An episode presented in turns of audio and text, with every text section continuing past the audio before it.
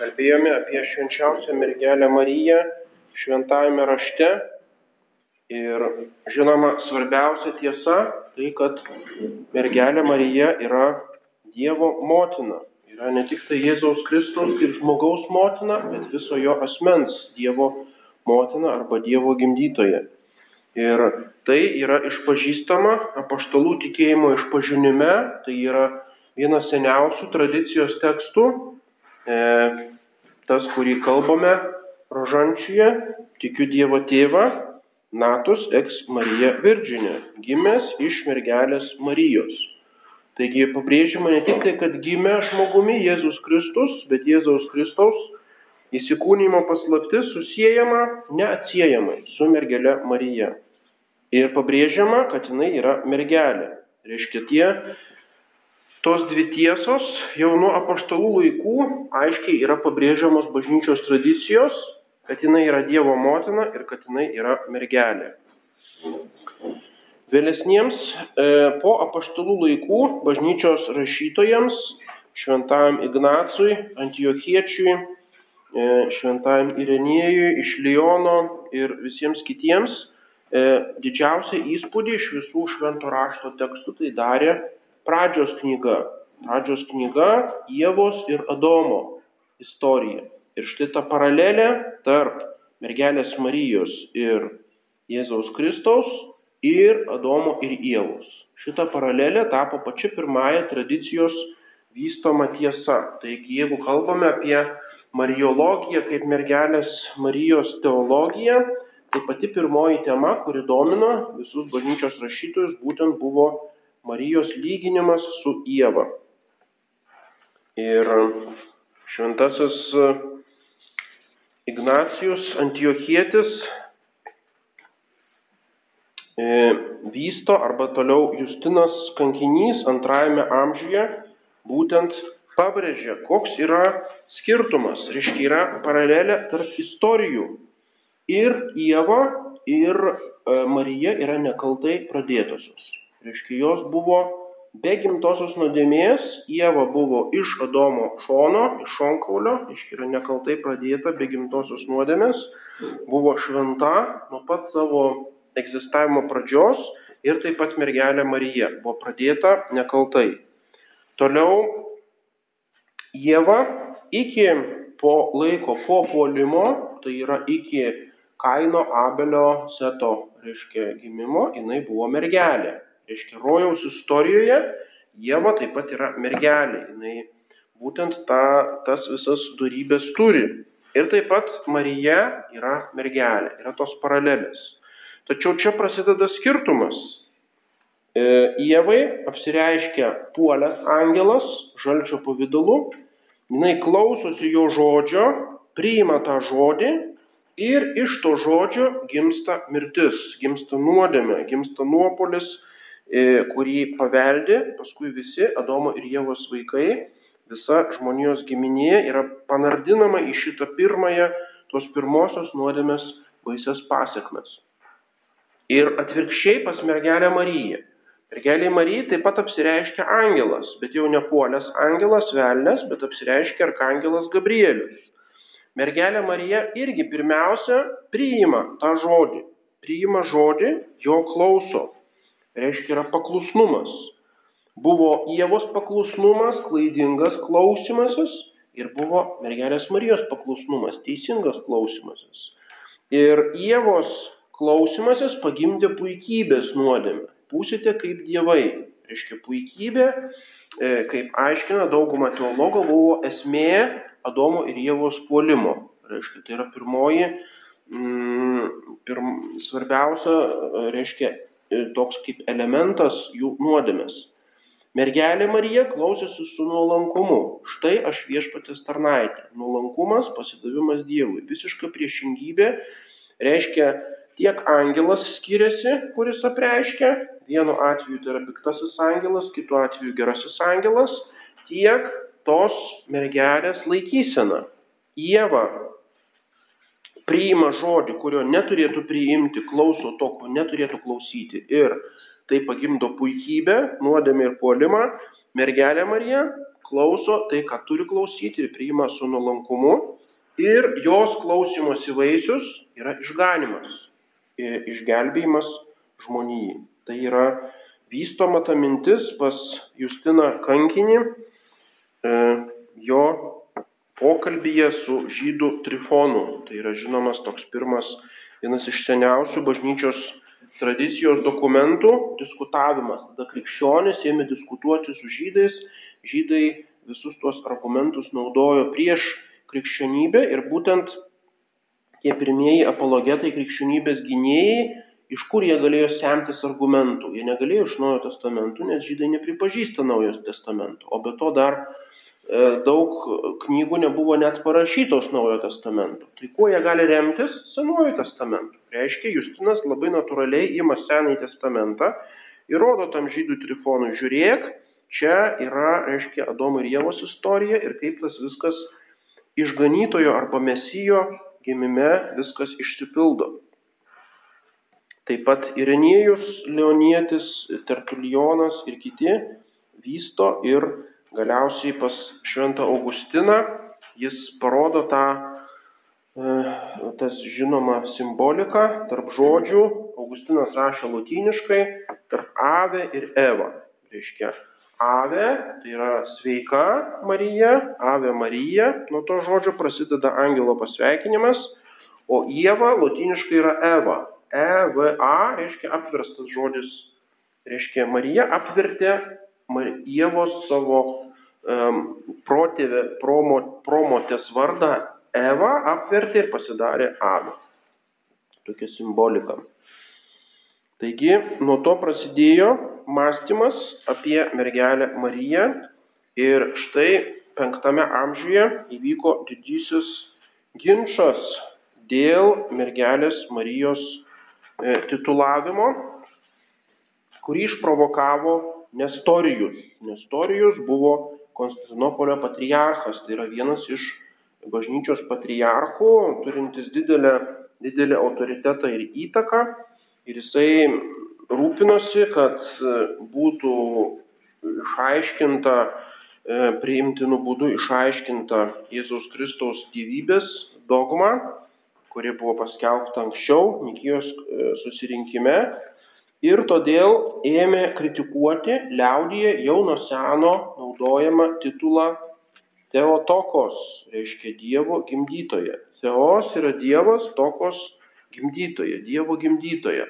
Tai buvo vadinama jau nuo pirmųjų amžių Marija įvairiose maldose ir Nestorijus sako, čia neteisinga, negalima jos vadinti Dievo gimdytoja, nes Dievas yra visiškai kitoks, jis yra grinai dvasinis, jis yra danguje.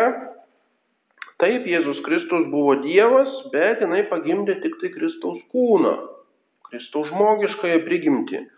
Jinai nepagimdė juk e, Dievo kaip tokio, tvarinys negali pagimdyti sutvėrėjo ir, reiškia, čia yra nelogiška, čia prieštarauja Dievo kilnumui ir aukštumui, čia yra tam tikras grįžimas prie pagonybės, kuriuose deivės gimdydavo dievus ir taip toliau. Buvo tokia labai argumentuota ir mokslinga Nestorijaus e, visa ta argumentacija. Ir jisai sako, Mariją reikia vadinti Kristotokos. Ne Teotokos, bet Kristotokos. Jis pagimdė Kristų, reiškia Mesiją išganytoje, o ne Dievą.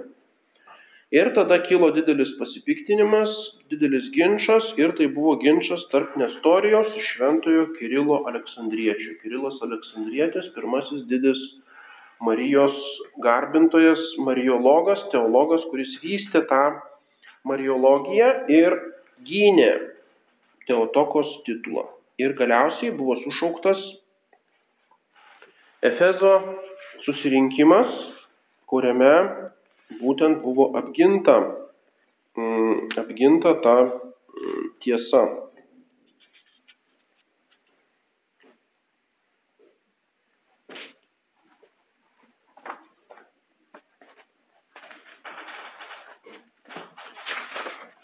Pirmoji, sakėme, dogma ir pagrindinė dogma, kad mergelė Marija yra Dievo motina. Šita dogma yra kaip toks brandolys viso mūsų iš vis mąstymo kalbėjimo apie Mariją, o iš to brandolio paskui kyla visos kitos Marijos privilegijos, kurias vėliau nagrinėjo kiti bažnyčios tėvai, bažnyčios susirinkimai ir tokiu būdu, bėgant amžiams, e, Marijos e, supratimas jos paslapties vis gilėjo. Galiausiai turime tuos didelius mariologinius e, rašytojus, kaip Šventasis Anzelmas, Šventasis Bernardas, Tomas Akvinietis, Bonaventūra viduramžiais, o ypač viduramžiais pats svarbiausias tai buvo pranciškonas e, Jonas Dunskotas. Dunskotas buvo mergelės nekaltojo prasidėjimo gynėjas ir tapo tokiu svarbiausiu viduramžių rašytojų ginančių mergelės, mergelę Mariją. Ir vėliau šventasis Belarminas, Kanizijus, Petras Kanizijus, e, Liudvikas Marija Grignonas de Monforas, kaip mes žinoma, redemptoristų įkūrėjas šventasis Alfonsas, Marija Ligvorį, Jean Ed buvo prancūzų rašytojas, kuris pabrėžė Marijos širdies ir Jėzaus širdies e, jungti. Ir tuo būdu matome, kad per visą bažnyčios istoriją ta Marijos supratimas vis augo ir vis daugiau tiesų buvo dogmatizuojamos, paskelbiamos kaip dogmatinėmis tiesomis. Ir todėl tarp Marijos titulų reikia skirti tie, kurie yra tik tai tokie liturginiai titulai, tarkim, išminties sostas arba jesės šaknis arba kiti, kurie daugiau atskleidžia tą dvasingumą Marijos. Reikia skirti tuos titulus, kurie yra dogminiai. Reiškia, vienais titulais mes tik tai iš pagarbos kreipiamės iš pamaldumo, kreipiamės į Mariją, o kiti titulai yra tikėjimo tiesos, kurias mes privalome tikėti jomis. Ir jų neigimas yra erezija. Taigi, tarkim, mergelės Marijos litanijoje išvardinama keliolika keliasdešimt titulų arba yra Marijos valandose daug tų titulų. Reiškia, į mergelę Mariją galime kreiptis daugybę tradicinių titulų. Tarkim, ir bažnyčios yra tituluojamos, čia yra škaplerinė Marija, čia rožančiaus, čia kitos, bet dauguma tų titulų yra tik tai pagarbos titulai. Reiškia, mes e, kreipiamės pagerbdami Mariją. Tačiau kai kurie titulai yra dogminiai, reiškia, yra bažnyčios patvirtinti kaip dogma. Reiškia, jeigu sakome, kad Marija yra Dievo motina, tai ne šiaip savo iš pamaldumo gražiais žodžiais ją pagerbėme, bet mes išpažįstame tikėjimo tiesą, kuri yra būtina išganimui. Arba jeigu sakome, kad Marija yra mergelė, arba jeigu sakome, kad jinai yra nekaltai pradėtoji, nekaltoji, tai šitie titulai jau yra ne šiaip savo papuošimas žodžiais, bet yra dogminė tiesa. Ir būtent matome, kaip tas um, išsikristalizavimas to viso Marijos gilesnio supratimo, jisai buvo vedant šventai dvasiai per visus amžius, jisai būtent augo. Čia negalime peržiūrėti visų tų tradicijos liudijimų e, apie mergelę Mariją.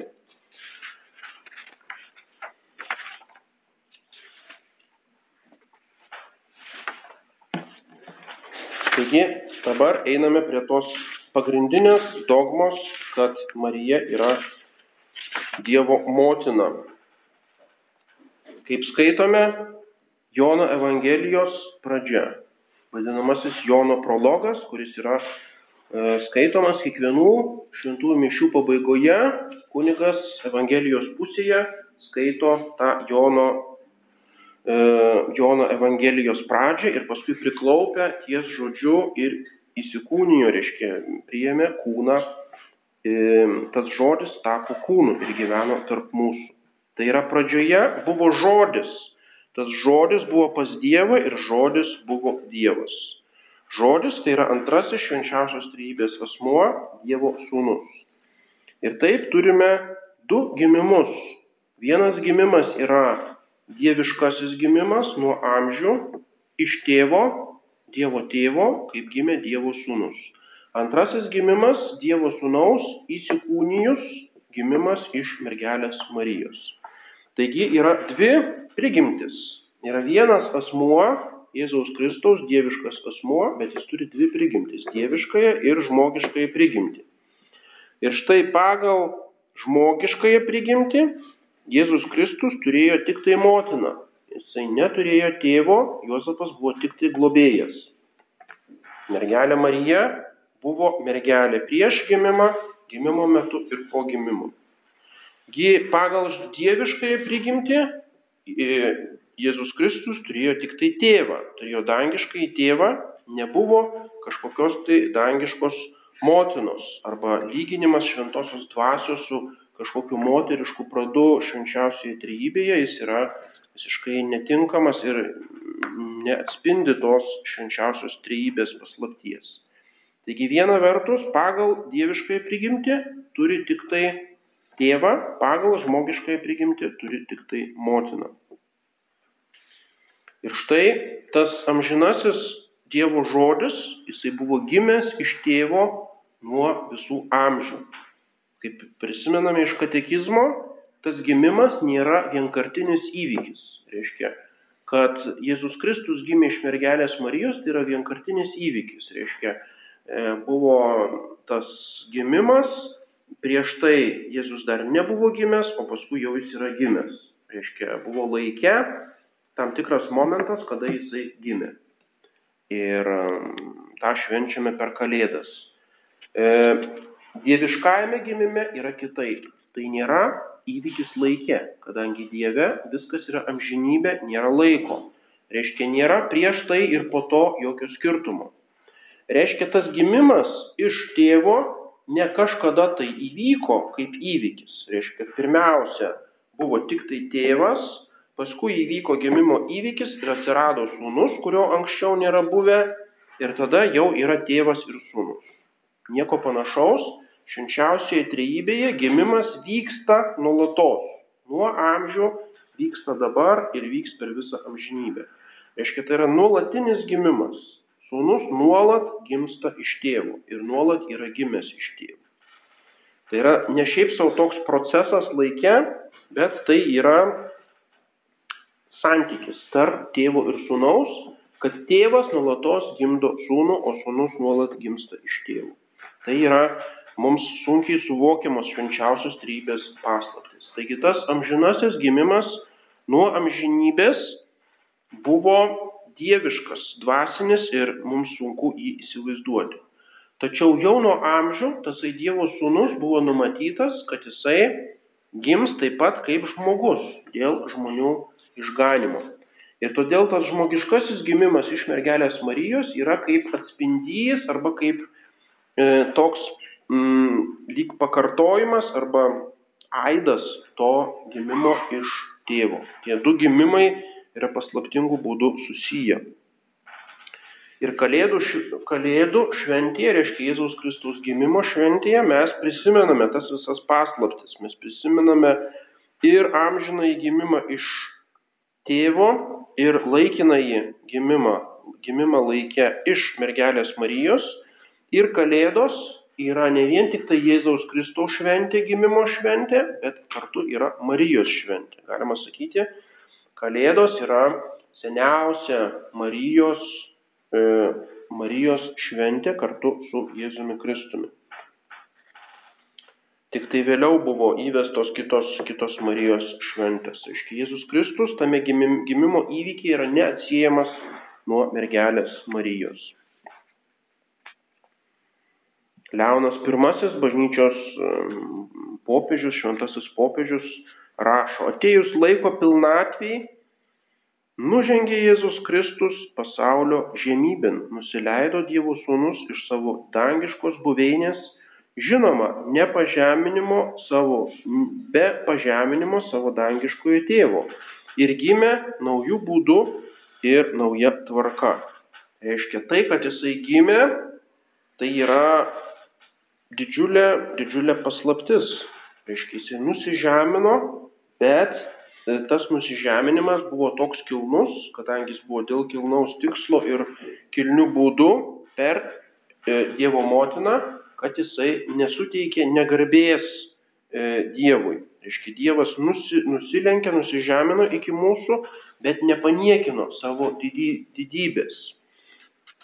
Tai nebuvo kažkoks tai kaip nukritimas į purvą brangaus, brangaus daikto, bet jis nusileido prie tos žemės žmogiškos prigimties, kuri juk buvo sutverta pagal jo paveikslą, ir jis priėmė tą žmogišką prigimtį ne iš bet kokio žmogaus atsitiktinio, o iš rinktinio tvarinio. Reiškia, mergelė Marija sudarė tokias idealias šventumo sąlygas, kad tas įsikūnymas įvyktų nepažeminant, galima sakyti, die, dieviškosios didybės. Taigi negalime mąstyti apie Jėzaus Kristaus gimimą, nemastydami apie jo gimdytoją. Ir tai buvo visiškai aišku e, visame bažnyčios garbinime jau daugybę metų prieš Nestorijų, kuris šituo suabejojo. Taigi Efezo susirinkimas neišrado kažkokią naują tiesą, staiga sugalvojo, kad reikia mergelę Mariją vadinti Dievo gimdytoje, bet jis patvirtino nenutraukiamą tradiciją, kuri buvo visiškai aiški bažnyčioje ir kurią užsipuolė būtent racionalistinis Nestorijaus mąstymas, kad reiškia Marija yra tik tai Kristaus gimdytoja, ne Dievo gimdytoja. Kaip galima atsakyti į šitos Nestorijos argumentus? Labai paprastai būtent, nes Nestorijus koncentruojasi tik tai į e, e, būtent šitą skirtumą, prarąją tarp žmogiškos ir dieviškos prigimčių. Ir jisai sako, kad juk mergelė Marija pagimdė kūną, kraują, suteikė šitą fiziškai liečiamą kūną e, Jėzui Kristui. Jis jokių būdų nepagimdė dievystės, jinai netapo kažkokiu būdu e, kartu gimdytoje dieviškojo sunaus, kartu su, su Dievu tėvu. Taip, jinai davė tik tai žmogiškąją prigimtį. Bet jinai pagimdė ne tik tai prigimtį, o pagimdė asmenį. Motina duoda ne tik tai kūną, kuris kažkaip tai reiškia prijungiamas prie asmens, bet motina pagimdo visą asmenį su kūnu, su siela, su visu asmeniškumu. O Jėzaus Kristaus asmuo yra dieviškas asmuo. Jis nėra žmogiškas asmuo, jis nėra žmogiškai dieviškas kažkaip tai sumaišytas, bet jis yra vien dieviškas asmuo. Ir reiškia, jeigu mergelė Marija gimdo šitą asmenį, kuris yra Dievas, kuris yra dieviškas asmuo, nors ir turintis dvi prigimtis žmogiškai ir dieviškąją, reiškia, jinai gimdo Dievą. Ir todėl tai nėra kažkoks retorinė figūra ar perdėjimas sakyti, kad Marija pagimdė pasaulio sutvėrėją. Arba kad Marija pagimdė savo jos pačios sutvėrėją, kad jinai pagimdė tą, kuris ją sutvėrė. Tai nėra perdėjimas ar e, iškreipimas, kaip kad sako Nestorijus, bet tai yra tiesa. Marija pagimdė tą, kuris bus išganytojas viso pasaulio. Jinai pagimdė Dievą. Ne, ne tik tai e, e, Jėzų Kristų, kuris paskui kažkaip tai buvo sujungta su dievystė, bet Dievą. Ir būtent tas pabrėžimas Efeso susirinkimo, jisai dar giliau atskleidžia Jėzaus Kristaus paslaptys. Ne tik tai neaptemdo Jėzaus Kristaus paslapties, bet dar giliau ją atskleidžia.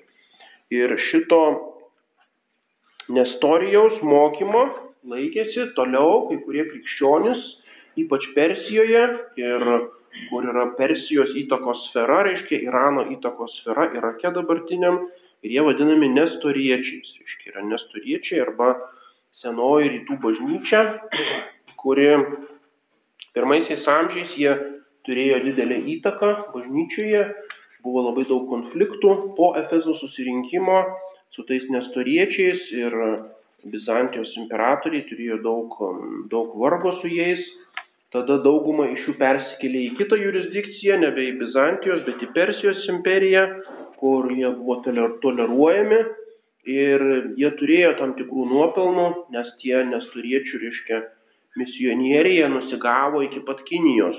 Reiškia, pirmo, pirmieji krikščionybės kelbėjai Kinijoje, Indijoje, tose kraštuose būtent buvo šitie nestoriečiai. Jie buvo toks kaip plyksnis jų misionieriškos veiklos, bet jis truko labai neilgai ir dabar tik tai vėliau jezuitai, kai 16 amžiuje nuvyko į Kiniją, tai atrado kažkokias stelas su tais kiniškais įrašais, su kryžiai, kryžiais, reiškia tų nesturiečių ženklais, bet ta krikščionybė neįsitvirtino tose visose kraštuose.